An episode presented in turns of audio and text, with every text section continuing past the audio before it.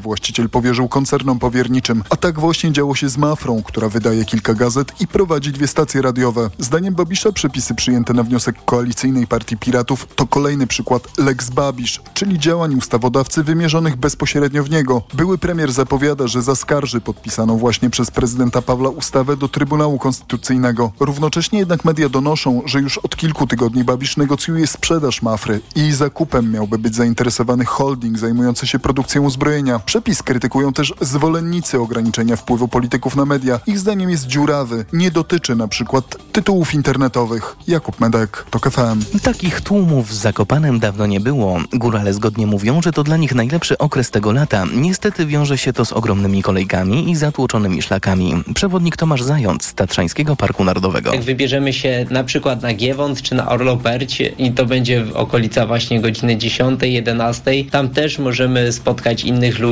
może być ich całkiem sporo. Nie wyprzedzajmy się, bądźmy dla siebie życzliwi, mili. Bilety do Parku Narodowego można kupić wcześniej przez internet, także bilety parkingowe, jeśli wybieramy się do Morskiego Oka. Kolejne wydanie informacji TOK FM o 9.20. Teraz prognoza pogody.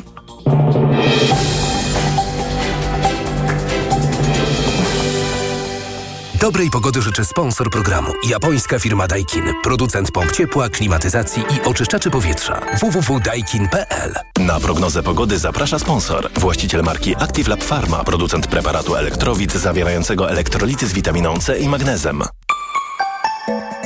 Pogoda. W większości kraju dziś słońce, jedynie w północnej Polsce i w województwie lubuskim zachmurzenie umiarkowane, momentami duże. Tam przelotnie popada i zagrzmi. W czasie burz porywy do 65 km na godzinę. Sprawdźmy jeszcze, czym oddychamy. Dobrej pogody życzy sponsor programu. Japońska firma Daikin. Producent pomp ciepła, klimatyzacji i oczyszczaczy powietrza. www.daikin.pl Na prognozę pogody zaprasza sponsor. Właściciel marki Active Lab Pharma. Producent preparatu elektrowid zawierającego elektrolity z witaminą C i magnezem. Może i duszno, ale za to powietrze czyste. Śmiało można się zaciągnąć, bo czujniki smogu nie pokazują nic niepokojącego. W miastach wojewódzkich brak zanieczyszczeń. Raport o stanie powietrza w COK FM codziennie po 9 i po 17. Radio TOK FM. Pierwsze radio informacyjne. Świąteczny poranek w Radiu TOK FM. Maciej Zagrocki, dzień dobry. Ponownie zapraszam na drugą godzinę świątecznego poranka. Zaczynamy ją od rozmowy z anonsowanym informacja gościem, panem Januszem Onyszkiewiczem, byłym ministrem obrony narodowej. Dzień dobry. Witam, dzień dobry. No najpierw zapytam pana tak po prostu, czy pan lubi defilady i jest zwolennikiem ich organizowania? Właściwie lubię, chociaż nie, nie jestem oczywiście jakimś ich wielkim entuzjastą. Sądzę, że warto tego rodzaju właśnie defilady organizować. Nie tylko dlatego, że ludzie po prostu lubią oglądać rozmaite widowiska. Jest to taki wielki show. No, a poza tym dochodzi jednak e, taka dosyć ugruntowana i zrozumiała fascynacja wojskiem, techniką wojskową. Defilada jest okazją, żeby to wszystko zobaczyć bezpośrednio i z bliska. W związku z tym, owszem, chociaż ja się nie wybieram na tą defiladę, ale wcale nie jestem przeciwny organizowaniu tego rodzaju imprez. Tym bardziej, że to także i no, jest pewien element takiej konsolidacji patriotycznej, który jest niesłychanie istotny, a w obecnych czasach szczególnie.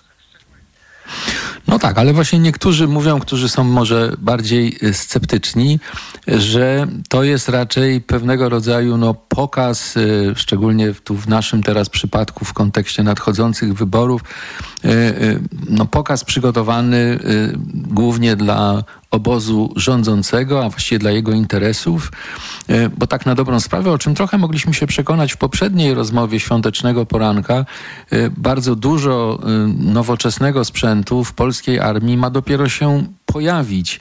I że ta defilada może tworzyć trochę złudne wrażenie, że jesteśmy mm, i mamy super nowoczesną armię i możemy spać spokojnie. Czy ona w takim razie E, no Pana zdaniem e, rzeczywiście ma nam dać poczucie bezpieczeństwa, e, poczucie jedności, poczucie jakiegoś takiego no, patriotycznej wspólnoty. taki będzie odbiór tej, tej, tej parady? No niewątpliwie każda parada wojskowa ma różne cele. One zależą, zależą od tego, o kim akurat będziemy mówić.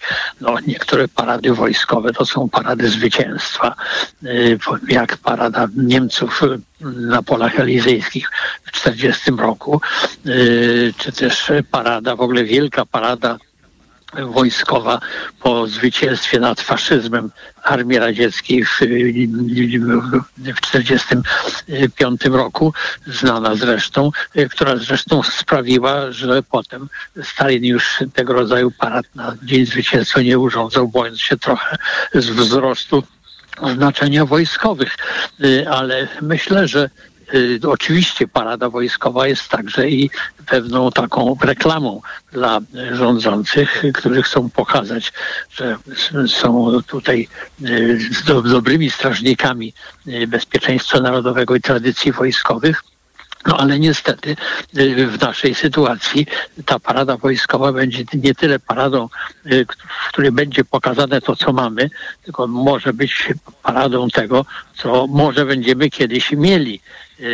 No i to jest oczywiście, to się wpisuje w, także i w aktualną sytuację polityczną, zbliżające się wybory. W związku z tym trochę jednak na tej paradzie wojskowej będzie chyba pokazana nie armia polska taka, jaka ona jest, tylko taka, jaka, jaką władze obecne chciałyby nam przedstawić y, i jaka być może, i oby tak było, będzie. No, ja jeszcze trochę pomarudzę, ale to nie tyle, że chcę eksponować tutaj swoją opinię, ale raczej przywoływać te, y, te inne, które w dyskusji na ten temat się pojawiają. No bo niektórzy dzisiaj szczególnie wskazują również na koszt tego typu y, przedsięwzięcia. Y, jeszcze inni zwracają uwagę na ochronę środowiska i że jest to zupełnie niepotrzebne mm, wydarzenie właśnie z tego punktu widzenia. No wreszcie jeszcze inni mówią, nie zapominajmy, że my to oczywiście przedstawiamy jako, jako sprzęt, który ma nas bronić, żołnierzy, którzy mają nas bronić, ale tak na dobrą sprawę pokazujemy śmiercionośne narzędzia. Y, niektórzy zwracali na przykład uwagę, że na tych piknikach wojskowych, które chyba wczoraj miały miejsce, ale dzisiaj też będą, na przykład wiceminister obrony y, y, wręczał no, prawdziwy karabin małemu chłopcu. No i że to są też takie obrazki, które dla części ludzi są, no, delikatnie mówiąc, kontrowersyjne. To jakby pan do tych wątków się odniósł.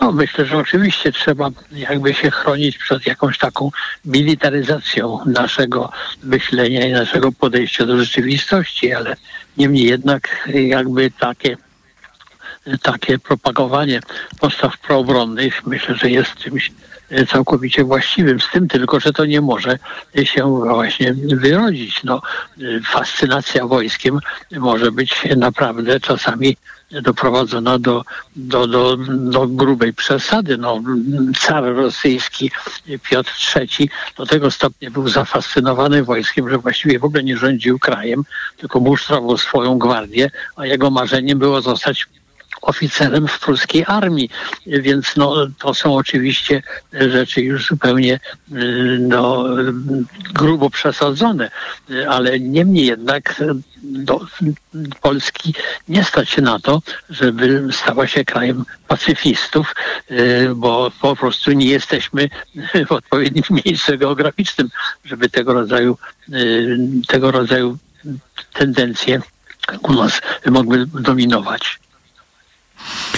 Rzeczywiście jest trudno też dokonać takiej oceny, którą y, można by podrzucać, że tego typu imprezy, parady y, dotyczą pewnego rodzaju państw, które mają, nie wiem, ambicje imperialne, y, które właśnie chcą pokazywać swoją siłę również przez pewnego rodzaju mm, groźny nacjonalizm, no ale wtedy w kontrze do tego typu argumentów pojawiają się parady na święto narodowe, chociażby we Francji, parady na, na, na polach elizejskich, y, czy w Londynie, mm, też bardzo popularne i często y, niezwykle bogate y, i widowiskowe. Czyli też nie można raczej sklejać tego typu parad z jakąś formą władzy albo z jakimiś apetytami imperialnymi.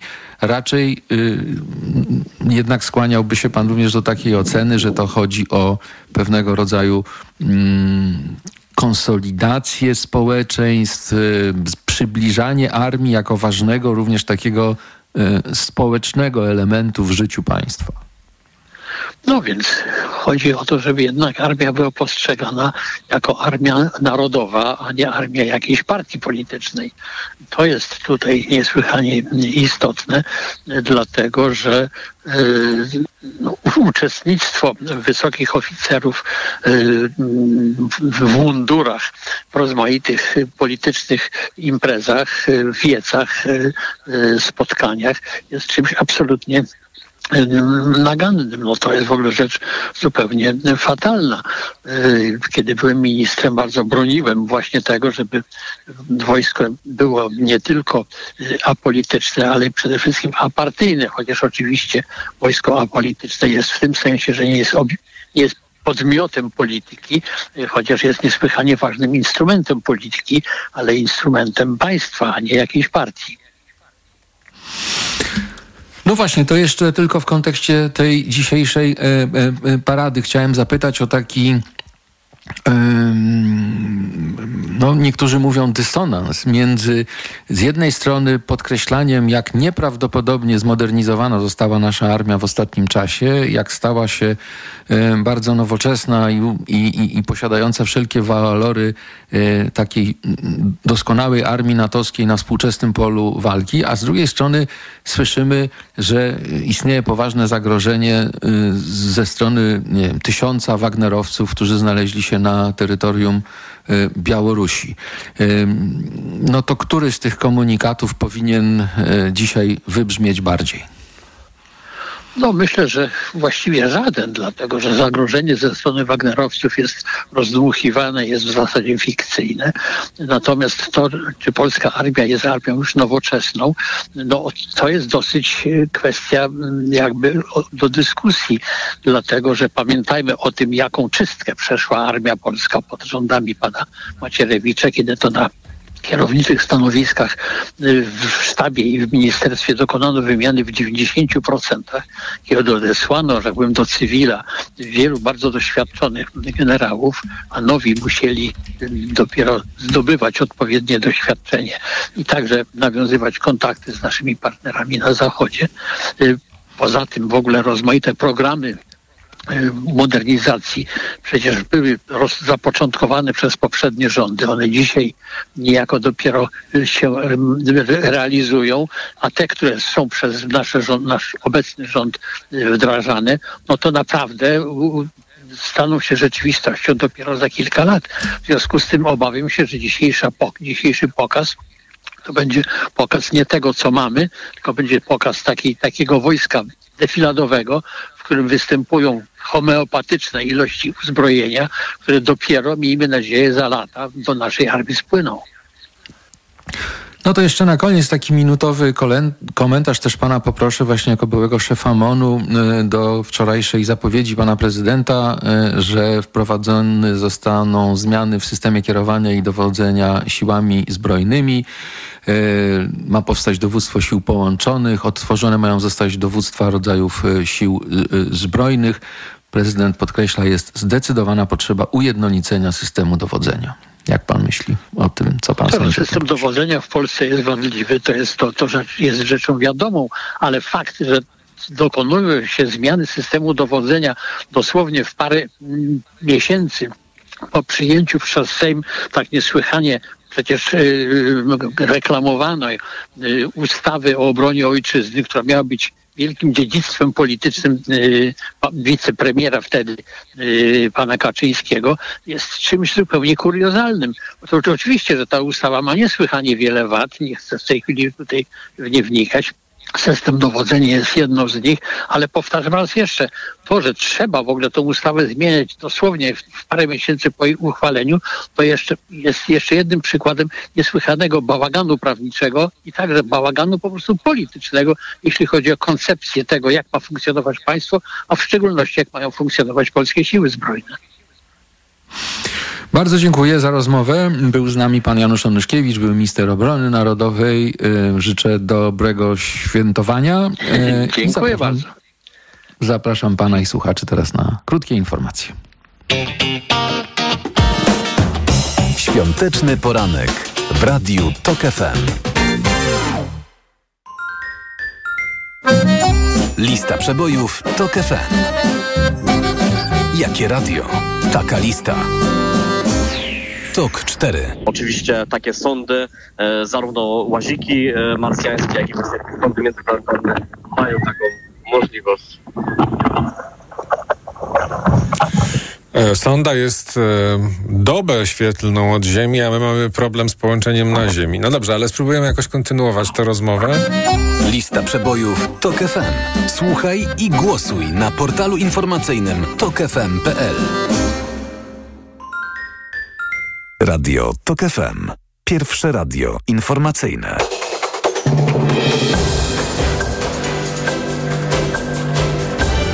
9.20. Piotr Jaśkowiak.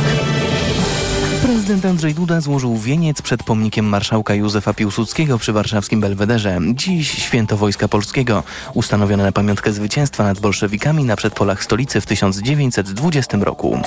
Już niemal stu ofiar śmiertelnych doliczyły się władze amerykańskich Hawajów, które zmagają się z rozległymi pożarami. W ciągu najbliższych 10 dni liczba ta może się podwoić, powiedział gubernator Josh Green. 1300 ludzi jest zaginionych. Na drugiej co do wielkości wyspie archipelagu Maui ogień rozprzestrzenił się tak szybko, że dla niektórych jedyną drogą ucieczki był ocean. Bardzo prawdopodobne, że w przypadku wygrania przez Australię Mistrzostw Świata Piłkarek Nożnych rząd ogłosi dzień wolny od pracy. Wiem o tym postulacie i uważam, że jest ze wszech miar słuszny, powiedział szef rządu w Canberrze. Australia jest gospodarzem turnieju wspólnie z Nową Zelandią. Jutro Australiki zmierzą się w półfinale z mistrzyniami Europy, Angielkami. Radio TOK FM. Pierwsze radio informacyjne. Świąteczny poranek w Radiu TOK FM. Maciej Zakrucki, dzień dobry ponownie. No i teraz pora w poranku świątecznym na rozmowę główną, tę najbardziej świąteczną, a gościem e, poranka właśnie w e, tym fragmencie jest pan profesor Grzegorz Nowik, Instytut Studiów Politycznych Polskiej Akademii Nauk, zastępca dyrektora do spraw naukowych Muzeum Józefa Piłsudskiego w Sulejówku. Dzień dobry. Dzień dobry, witamy z Sulejówka. Rozmawialiśmy już w minionych latach no, o samej bitwie, o dowódcach, o kierownictwie politycznym, o kapitalnym znaczeniu czytania przez polskie wojsko sowieckich depesz. Rok temu rozmawialiśmy o froncie wewnętrznym, czyli silnych konfliktach między stronnictwami politycznymi i samymi politykami polskimi tamtego czasu. Dzisiaj chciałbym poprosić o, o krótki opis nastrojów społecznych, o atmosferze w samej Warszawie, gdy wróg był niemal u u bram miasta, bo ja tu znajduję bardzo różne opisy. No, na przykład Maria Dąbrowska w dzienniku. Pogoda cudna, upały, nic nie wierzę, aby bolszewicy mieli wejść do Warszawy, choć są tuż, tuż. Mamusia i Jadzia wróciły tydzień temu z Sabinowa. Mamusia w pełni żyje epoką. Jakże ja bym miała tam na wsi wytrzymać, kiedy tu się takie rzeczy dzieją? Więc życie toczyło się normalnie.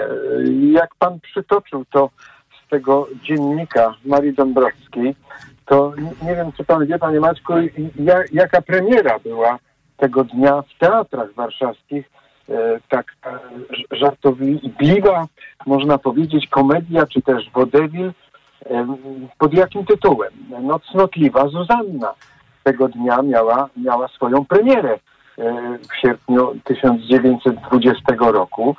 E, ludzie chodzili do, do teatrów, chodzili do kawiarni, gdzie oczywiście e, ochotniczki z Ochotniczej Legii Kobiet i młodzież właśnie wyganiała młodych mężczyzn i zawstydzała ich, że nie są na froncie, ale życie toczyło się absolutnie normalnie. E, skończył się ten lipcowy okres, mówię o sierpniu 20 roku, skończył się ten lipcowy okres takiej gorącej walki politycznej. Powołany był rząd jedności narodowej. Na czele stoi premier Wincenty Witos, y, jego wicepremierem jest Ignacy Daszyński, a więc chłop i robotnik y, y, stoją na czele rządu polskiego, który przez propagandę bolszewicką jest określany jako pański, jako burżuazyjny i, i, i wszelkimi innymi okropieństwami nazywany. Co więcej, największa propaganda komunistyczna w Europie przez i tamtejsze lewicowe związki zawodowe, ręce precz od kraju rad, kiedy ten kraj rad wyciąga ręce przez robotniczo-chłopską Armię Czerwoną po Polskę, na której czele stoi robotniczo-chłopski rząd. Więc y, jeśli by to tak literalnie opisywać, no to po mhm. prostu to jest obraz, który ciężko jest zrozumieć normalnymi słowami, jeśli nie wie, co to, się, co to jest bolszewizm. A bolszewizm najprostsza tego, tego mm, definizmu, definicja tego, tego terminu, to jest taki system, w którym odwrócone zostały wszelkie terminy, pojęcia i znaczenia ichże. I no po prostu wszystko jest arebur, zupełnie, zupełnie odwrotne. No, białe jest czarne, a czarne jest białe, że użyję modnego, modnego ostatnio określenia. I tak to wygląda.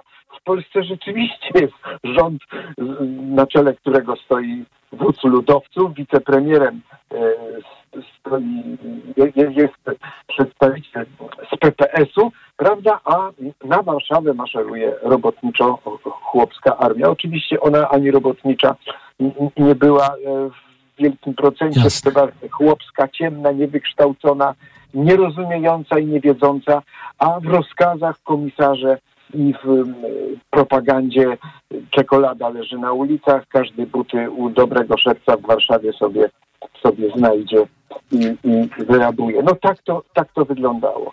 Ale właśnie, czy, czy poza tym obrazem, o którym pan powiedział, że, tak? że, że, właściwie życie się jakoś toczyło, szykowana tak, była premiera, premiera w tak. teatrze, ale są tak. też głosy, można je znaleźć ze wspomnieniach z tamtego czasu, że jednak na, były obawy, że jakaś część chociażby mieszkańców Warszawy, sympatyzujący z komunistami, e, może chcieć wywołać jakieś burdy w mieście, może nawet coś w rodzaju y, y, rewolucji, że policja no, y, nawet aresztowała różnych, y, a zdarzali się tacy ludzi głośno wygrażających temuż rządowi, o którym pan mówił, i cieszących się, że nadchodzi kres burżujów. Była rzeczywiście jakaś, jakieś realne zagrożenie, że tutaj od wewnątrz nie, nie, coś nie, jeszcze może wydarzyć?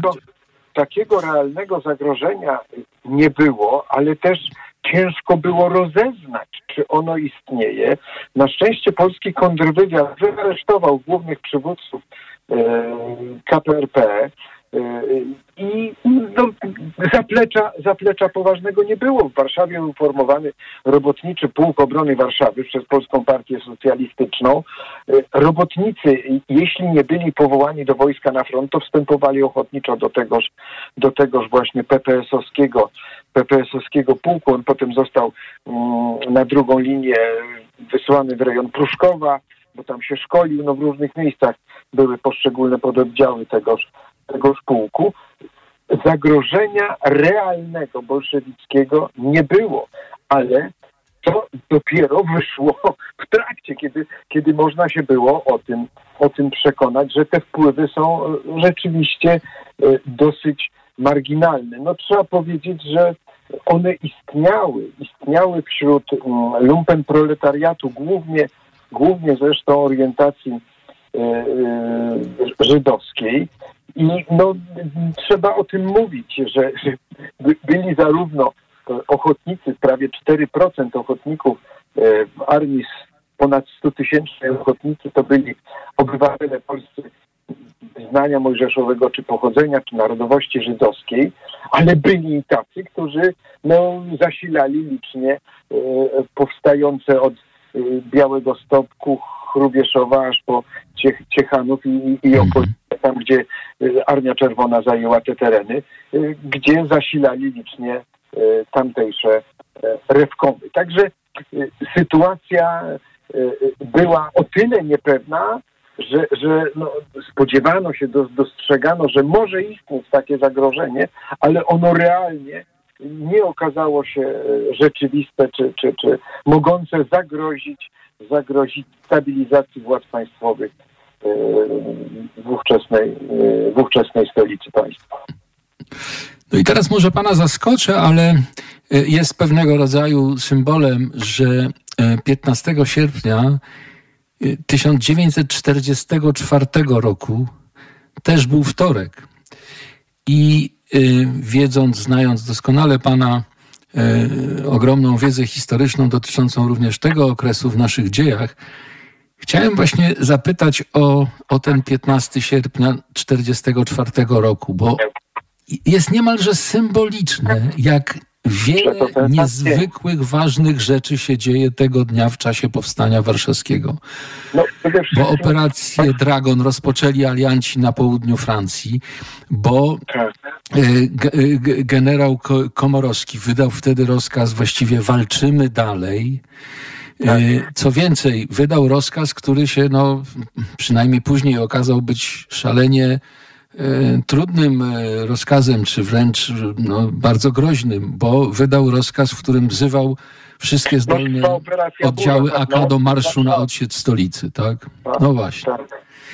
No, A jednak obchodzono tego 15 sierpnia, no tego dnia w Warszawie. Odbyła się, odbyła się w katedrze polowej na ulicy Długiej msza, no, zgodnie z tradycją i obyczajem, a następnie tam na Długiej e, odbyła się defilada e, wojskowa. Podobnie obchodzono to w Śródmieściu. E, no, były koncerty organizowane piosenek żołnierskich e, w Śródmieściu Warszawy. Natomiast w tych dzielnicach, na które spadł ten pierwszy, pierwszy cios, a więc e, Wola, Stare Miasto, Żoliborz i Mokotów, a więc te, które otaczały, można powiedzieć, e, centrum, e, też podzielone przecież na Śródmieście Południowe i Północne no i Stare Miasto odcięte, to tam no, te obchody 15 sierpnia przebiegały zupełnie inaczej, ale ja muszę powiedzieć, że na przykład w szóstym obwodzie Praga, który po, po, ponownie przeszedł do konspiracji, tego dnia ogłoszono, oddziały cały czas były w pogotowiu, w czuwaniu, nie wiadomo było jak się sytuacja rozwinie, czy, czy Armia Czerwona ruszy na Warszawę z odsieczą, czy, czy, czy nie ruszy. Oni cały czas czekali w pogotowiu i tam został ogłoszony przez dowódcę obwodu pułkownika Żurowskiego koncert na y, pieśń i poezję żołnierską na przykład i, i, i mamy dosyć liczny, bogaty zbiór, zbiór y, kompozycji z tego, z tego właśnie okresu. Y, Wspominano oczywiście nie, nie tylko rok 20, ale i, i całe dwudziestolecie i Wojsko Polskie. Pamiętajmy, że, że wolna powstańcza Warszawa była kawałkiem, kawałkiem wolnej, wolnej Polski, wolnej stolicy państwa i tam, i tam te obchody traktowano, traktowano nadzwyczaj, nadzwyczaj uroczyście, poważnie. E, Nikt jeszcze nie spodziewał się tego tragicznego finału z przełomu września i października, a dla Żoliborza i Mokotowa końca września. Także no, Powiedzmy ten, tylko o ten, tym, tak, ale powiedzmy troszkę dwa słowa o tym rozpoznaniu sytuacji, bo, bo, bo mówi się, że ten 15 sierpnia to jest właściwie moment, który, w którym można było jeszcze podjąć decyzję, no, no, no właśnie inną niż podjęto, ale, ale, ale oczywiście nam dzisiaj trudno jest to sobie wyobrazić, nie chodzi o pisanie historii alternatywnej, ale jak pan ja- jak pan myśli, czy rzeczywiście jeszcze 15 sierpnia dowództwo powstania no, mogło liczyć na to, że, że, że właśnie a Rosjanie ruszą na Warszawę i pomogą, że coś się wydarzy e, Panie Marku, również. Z... No właśnie. Ja powiem tak, że to byli ludzie, którzy myśleli kategoriami racjonalnymi e, i na przykład z punktu widzenia Hitlera e, wejście Sowietów do Warszawy mogło oznaczać no, początek ogromnego konfliktu politycznego, prawda, o, o wolną Polskę, bo przecież tam jest ujawniona delegatura rządu, jest dowództwo e, Sił Zbrojnych Polskiego Państwa Podziemnego, czyli Armii Krajowej i e, dla niego taki e, rodzaj konfliktu mógł być na rękę. Oczywiście my spekulujemy w tej chwili. Z kolei mogąc myśleć o, o, o tym, co, co zamierza Stalin, e, mogli myśleć również, że dla niego e, e, zdobycie przepraw przez Wisłę w tej sytuacji i przejście na drugi brzeg no, ogracza, oznacza niebywałe atuty no, o znaczeniu strategicznym niemal, no, operacyjnym co najmniej, prawda? M- możliwości, możliwości przedostania się na, na drugi brzeg i opanowania takiego węzła drogowego i kolejowego, jakim była Warszawa. Więc myślę, że rozważali najrozmaitsze alternatywne rozwiązania. Liczyli na pomoc aliantów, liczyli na interwencje, no próbowali y, chwytać się, można powiedzieć, różnych wątków myślowych w tej sytuacji. Tymczasem, tymczasem okazało się, że no, z jednej strony Hitler, z drugiej Stalin to są paranoicy i, dla Stalina wygodniejsze było, jak powstanie zostanie zdławione rękami Hitlera, a, a Hitler nie myślał żadnymi już racjonalnymi, racjonalnymi przesłankami, nie opierał się na żadnych racjonalnych przesłankach tylko jak, jak, jak narkoman, prawda, działał zupełnie, mhm. zupełnie bez, e, bez elementu, powiedzmy, takiego racjonalnego, takiego racjonalnego myślenia. No tak mnie się wydaje. Patrząc, no a ten rozkaz Bora, żeby oddziały AK ruszyły na odsiecz stolicy, myśli pan, że on, on, on, on ja myśli, myślę, to jakby pokazywało, że, to, że on nie ma tutaj rozeznania dobrego? No, wie pan, Korpus Kielecki Armii Krajowej rzeczywiście wywołał, wywołał u, u Niemców e, druga i siódma dywizja Armii Krajowej wywołał to parę tysięcy ludzi e, z, z bronią maszynową, ale z drugiej strony niemożność stosowania pilicy, e, możliwość maszerowania tylko lasami, trudność z, wyżywieniem, zaopatrzeniem w amunicji tego zgrupowania, ale u Niemców, no, którzy nie znali jeszcze rozmiarów tego, z możliwością na przykład zrzutów jakiegoś ciężkiego sprzętu, e, no, mógł i wywoływał e, pewne obawy. Ja myślę, że da, daleko, daleko skuteczniejsza byłaby na przykład przecinanie regularne wszelkich linii dostaw zaopatrzenia dla Niemców z kolei pod Warszawą, czyli, czyli kontrolowanie lasów, przez które przebiegały od zachodu linie, linie kolejowe do Warszawy. To jest no, daleko zawsze większa pięta achillesowa zaopatrzenie, co zresztą widzimy po współczesnym konflikcie, prawda, który się dzieje na naszych oczach na, na Ukrainie, że logistyka to jest tutaj no, podstawa, podstawa e, wszelkich działań operacyjnych. Więc no, on miał pewne, powiedzmy, szanse powodzenia, ale generalnie rzecz biorąc, generalnie rzecz biorąc, e, to wszystko to było myślenie kategoriami doświadczeń XVIII-XIX roku. Że pokonane Niemcy, no to z samą decyzją o wybuchu powstania, pokonane Niemcy y, załamią się, a przecież mieliśmy parę dni, parę dni wcześniej y, zamach na Hitlera, że, że, że to będzie tego typu sytuacja jak jesień, jak listopad 1918 roku i że dadzą się, dadzą się e, rozbroić. Tymczasem, tymczasem e, no tak się nie stało. Fanatyzm, fanatyzm wychowania narodowo-socjalistycznego no, okazał się taki, jaki, jaki widzieliśmy. Niemcy walczyli, walczyli do końca nawet na wzgórzach zelowskich i w Berlinie i nad Odrą, także, także e, trwało to, trwało to absolutnie do końca o dwóch 15 sierpnia, tym szczęśliwym z 20 roku i tym bardzo smutnym, ale wartym pamiętania opowiedział nam dzisiaj pan profesor Grzegorz Nowik, Instytut Studiów Politycznych Polskiej Akademii Nauk, zastępca dyrektora do spraw naukowych Muzeum Józefa Piłsudskiego w Sulejówku. Bardzo dziękuję panie profesorze. Dziękuję panie Maćku, ale dzisiaj świętujemy radość. Radość zwycięstwa w 20 roku. Tak jest. Dziękuję bardzo, do widzenia. Zapraszamy do Sulejówka. Świąteczny poranek w Radiu TOK FM. Sejm przyjął haniebną ustawę, która łamie standardy demokratycznego państwa, która łamie konstytucję. Ma być miejscem, czasem szczucia na ludzi, którzy nie będą mieli się prawa bronić przed sądami. Podpis prezydenta pod bolszewicką, a ja bym ją nazwał putinowską ustawą zmienia sytuację polityczną w Polsce i my musimy wszyscy dzisiaj pokazać, po pierwsze, że PiSowi nie uda się zamach na polską wolność, PiSowi nie uda się ustawianie sceny politycznej pod siebie. Ta komisja ma trzy miesiące przedstawić raport. Kto z nas chce zrobić durniów? Będą działać szybko, będą tylko szukać pseudozasadnień do tego, żeby próbować wykluczyć liderów opozycji, przede wszystkim Donalda Tuska, z wyborów. Złamali i dobre obyczaje, i fundamentalne zasady demokracji ze strachu przed utratą władzy, ze strachu przed odpowiedzialnością po przegranych wyborach. Było 100 powodów, żeby wyjść na ulicę i protestować przeciwko temu, co się dzieje w Polsce. To jest to pierwszy powód, równie poważny jak poprzednie. Radio TOK FM. Pierwsze radio informacyjne. Posłuchaj. Aby zrozumieć.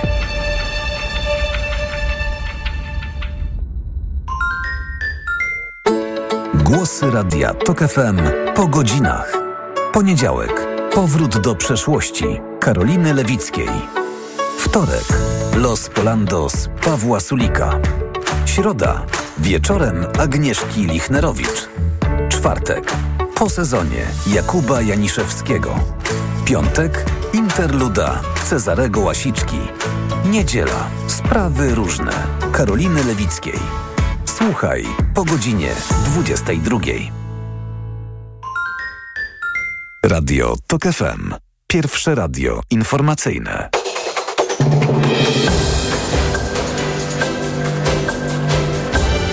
Dziewiąta czterdzieści. Piotr Jaśkowiak.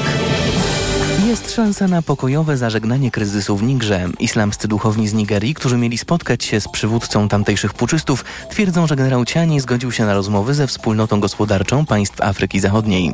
Kraje regionu grożą użyciem siły, jeśli armia nie odda władzy demokratycznie wybranemu prezydentowi. Do tej pory nie zdecydowały się jednak na rozwiązanie siłowe. Co najmniej 20 żołnierzy rosyjskiej armii zginęło w strzelaninie, do jakiej doszło na okupowanym terytorium Ukrainy między Czeczenami a Dagestańczykami, informuje sztab generalny ukraińskich sił zbrojnych.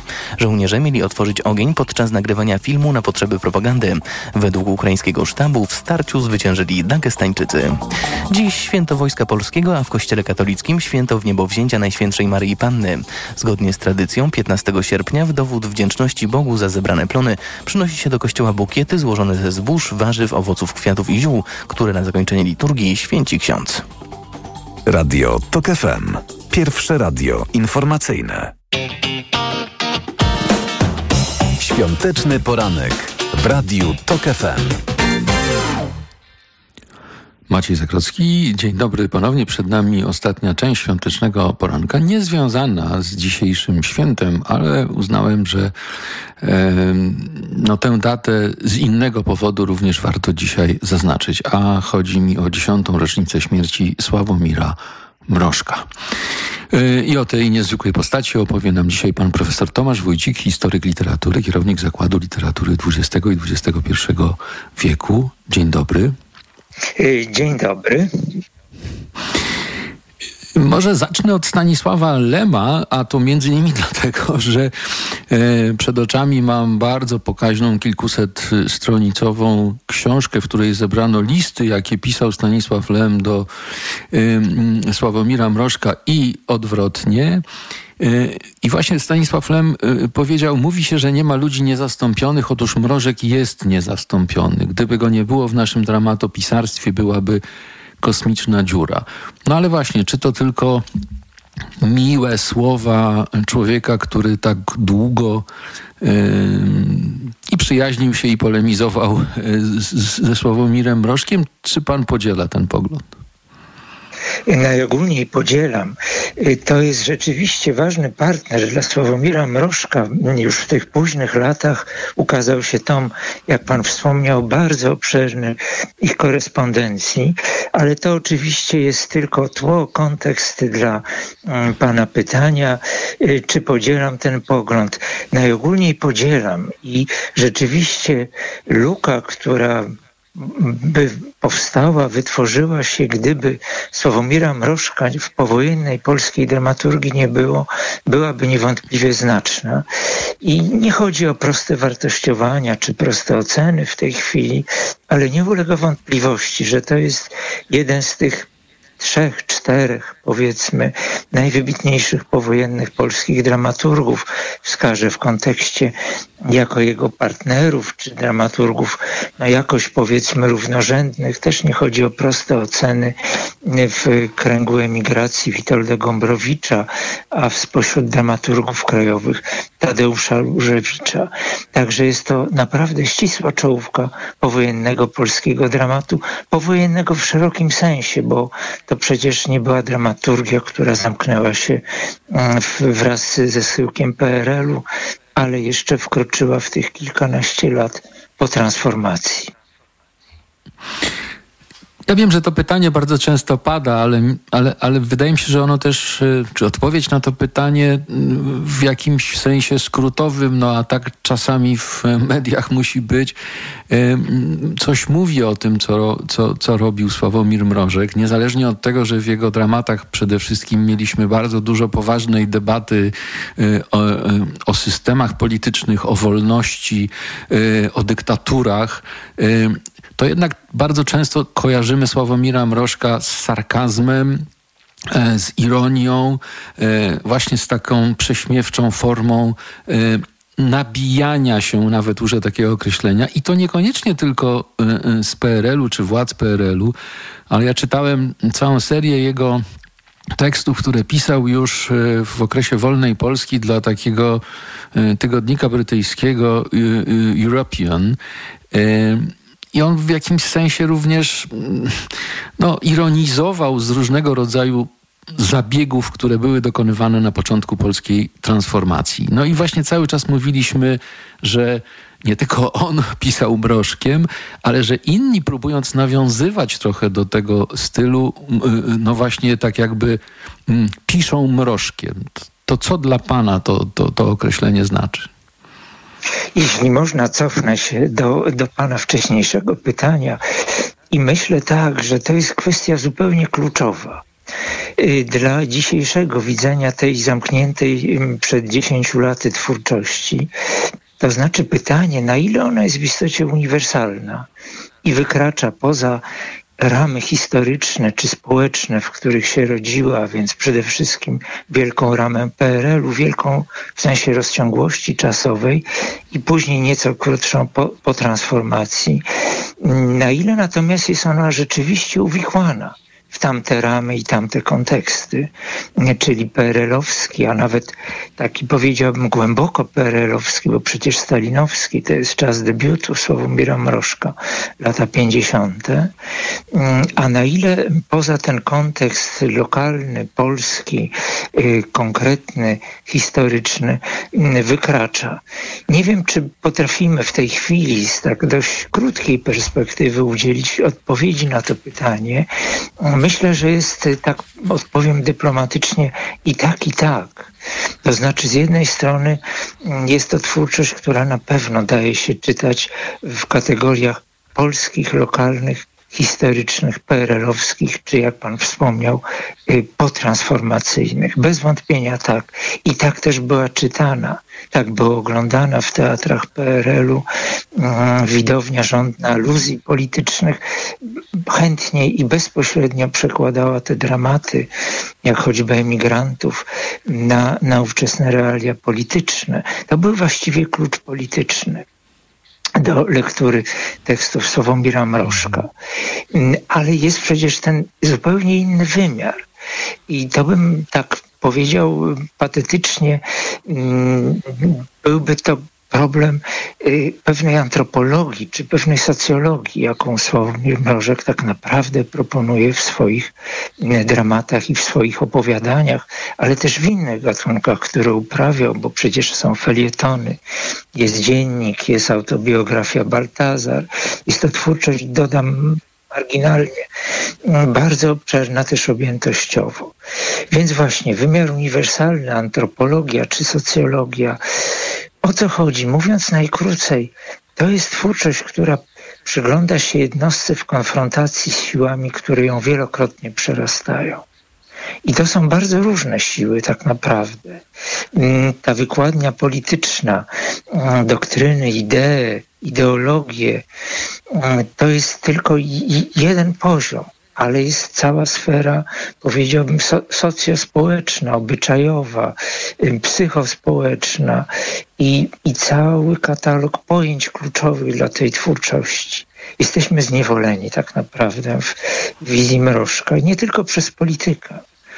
Schematy, mhm. rytuały, stereotypy, mm, pewne ramy, które nas y, y, wiążą, w tym niezwykle ważna rzecz dla pisarza, dla artysty słowa, mianowicie schematy języka, które wypowiadają się przed nami czy zamiast nas.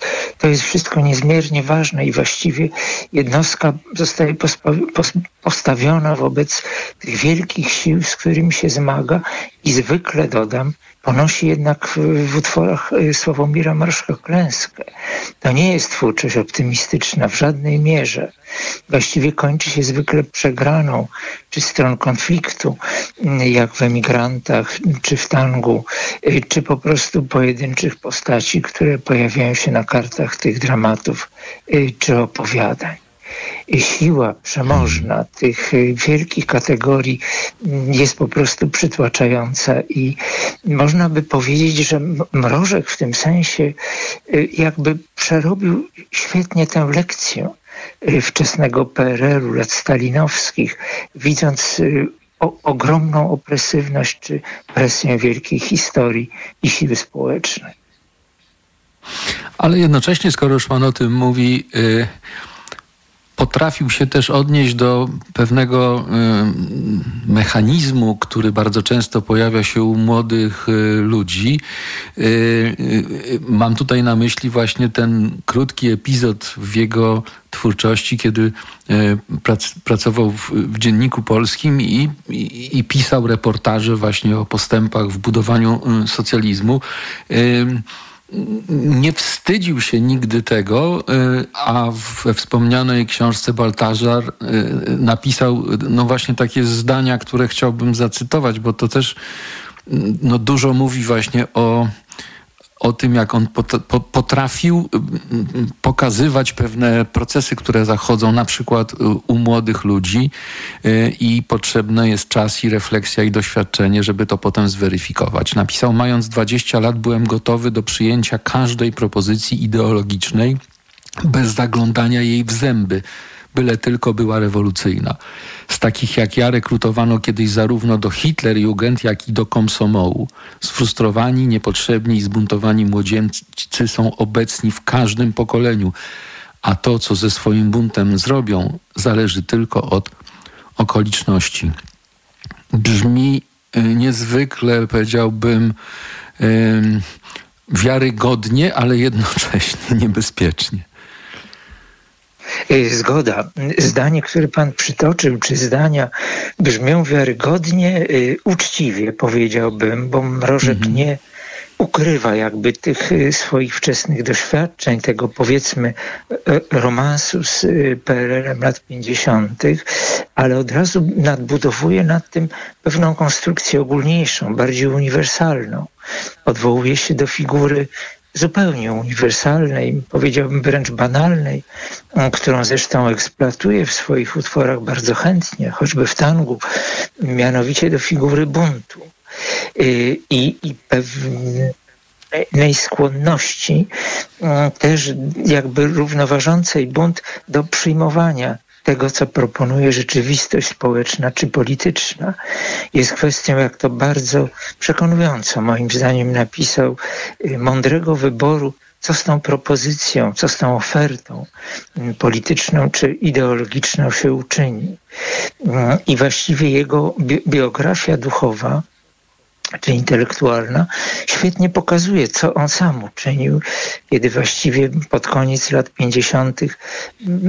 już bardzo wyraźnie ewoluował w stronę nie jakiejś działalności opozycyjnej, wtedy to nie było jeszcze możliwe, ale niewątpliwie w stronę pewnej rewizji e, swoich e, wczesnych fascynacji, co oczywiście nie zmienia faktu, że cała ta konstrukcja, powtórzę, jest nadal niezwykle uniwersalna niezwykle uniwersalna i y, sam Mrożek to w tych zdaniach zaznaczył, że właściwie jest to schemat, który powtarza się, czy może się powtórzyć w każdym pokoleniu. No cóż, pochwalę się w tym sensie, że mam przed oczami w tej chwili y, wspomnianą książkę Baltazar, autobiografia z y, wpisem Sławomira Mrożka dla redaktora Macieja Sławomir Mrożek. A to dlatego, że kiedy ta książka się ukazała, niezwykła, tak? Bo po udarze mózgu, kiedy przeszedł tak zwaną afazję, y, y, y zaproponowano mu, czy terapeutka zaproponowała, żeby spróbował napisać y, swoją właśnie y, biografię, y, bo to pomoże mu w, w przypomnieniu sobie swojego życia, a przy okazji w terapii po tym, po tym zdrowotnym kłopocie. I, i, i kiedy w, w, przy okazji wydania tej książki właśnie z, z nim rozmawiałem, cały czas zastanawiałem się, w jakim stopniu on podpowiadał różne rzeczy nam e, w tym okresie, kiedy tworzył, kiedy właśnie najpierw mieliśmy ten PRL, a potem ten okres e, burzliwej transformacji, bo bo czytając tę jego autobiografię, właściwie ciągle można powiedzieć, miałem takie wrażenie, że w wielu miejscach mamy powtarzające się schematy, zarówno z jego y, życia, y, z jego doświadczeń, ale właśnie też z takich doświadczeń ogólnych, y, ogólnych społecznych. Czy sądzi pan, że teraz w dziesiątą rocznicę jego śmierci moglibyśmy wszystkim, którzy jeszcze nie czytali Baltazara, zarekomendować tę książkę jako pewnego rodzaju zarówno przewodnik po życiu Sławomira Mrożka, ale też i po naszej skomplikowanej historii? Bardzo trafnie to panują. Poleciłbym z całym przekonaniem, z głębokim przekonaniem. To jest mądra książka. Dzieło lat późnych. Ona się ukazała w 2006 roku, a więc kilka lat przed śmiercią autora i w tych rzeczywiście skomplikowanych okolicznościach osobistych. Y, więc y, zgoda, jest to nieocenione kompendium wiedzy o nawet nie tyle powiedziałbym biografii Sławomira Mrożka w sensie faktów, bo te są oczywiście niezmiernie interesujące. To był pisarz, można by rzec, w ciągłej drodze biografia rozpisana na kilka krajów, na dwa kontynenty. To jest jakby jeden wymiar, ale jest ten inny, głębszy, przygody duchowe. Najpierw młodego umysłu, jakby to powiedział Czesław Miłosz, a potem już umysłu dojrzewającego i, i wreszcie podsumowującego z perspektywy kilku dekad całą tę długą drogę intelektualną, duchową i, i pisarską również. Ale to jest też książka będąca mm, świadectwem doświadczeń pewnego pokolenia. I ta kategoria pokolenia jest w ogóle dla y, Sławomira Mrożka niezmiernie ważna. On wielokrotnie to w różnych miejscach podkreślał, choć mhm. paradoksalnie jest to właściwie autor bez wyraźnej przynależności pokoleniowej. Rocznik 1930 oznacza, że na Kolumbów, by tak rzec, już najbardziej kolokwialnie się spóźnił, był trochę za młody. Mm, natomiast wyprzedził o kilka lat pokolenie współczesności. Był jakby zawieszony pomiędzy generacjami, ale jednak dał świadectwo y, doświadczenia ludzi, którzy w okresie wojny i okupacji byli właściwie dziećmi, czy prawie dziećmi, a później wchodzili w dojrzałość wraz ze wspomnianym już PRL-em i to w tym wczesnym y, y, stalinowskim właściwie wydaniu, kiedy debiutował i kiedy wydawał swoje pierwsze teksty. Bez wątpienia książka też uniwersalna. Mhm. Odsyłamy już w takim razie, panie profesorze, właśnie słuchaczy do, do, do Baltazara, a dzisiaj już muszę podziękować za to wspomnienie. Cieszę się, że dziesiąta rocznica śmierci Sławomira Wrożka znalazła, e, e znalazła swój e, znak na naszej antenie i w naszym świątecznym poranku. Bardzo dziękuję. Profesor Tomasz Wójcik, historyk literatury, był gościem Radia Tok FM. Dziękuję za rozmowę. Bardzo dziękuję za zaproszenie i również się cieszę, że wspomnieliśmy Sławomira Mrożka. Dziękuję raz jeszcze i podziękowania także dla Bereniki Bińczyk, wydawczyni, Krzysztofa Olesiewicza, realizatora, Maciej Zakrocki. Dobrego świątecznego dnia. Świąteczny poranek w Radiu TOK FM. światowych rynków. O Twój portfel. Raport gospodarczy. Mówimy o pieniądzach. Twoich pieniądzach. Słuchaj od wtorku do piątku po 14.40.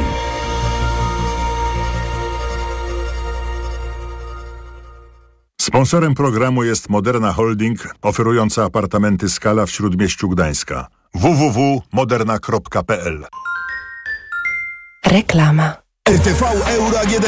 Uwaga! Teraz w euro wybrane produkty premium. Nawet w 40 ratach 0%. RRSO 0%. Smartfon Realme 11 Pro Plus. Pamięć 512 giga. Aparat 200 megapikseli. Teraz za 2399 zł. A w 40 ratach tylko 60 zł miesięcznie. Tylko do 21 sierpnia. Szczegóły i regulamin promocji ratalnej w sklepach i na euro.com.pl. Robisz wszystko, by Twoje dziecko było bezpieczne w dzieciństwie? Zadbaj także o jego bezpieczną przyszłość. Zaszczep je przeciwko HPV i pomóż uniknąć onkologicznych konsekwencji zakażenia. Jeśli Twoja córka lub syn ma 12 lub 13 lat, możesz zaszczepić ich bezpłatnie. To bezpieczne i skuteczne. Twoje dziecko. Bezpieczne teraz, bezpieczne w przyszłości. Dowiedz się więcej. Wejdź na planujedługieżycie.pl. Kampania Ministerstwa Zdrowia. Coraz taniej w delikatesach centrum. Od poniedziałku do środy pomidory malinowe jedynie 3,99 za kilogram z aplikacją i olej rzepakowy niezbędny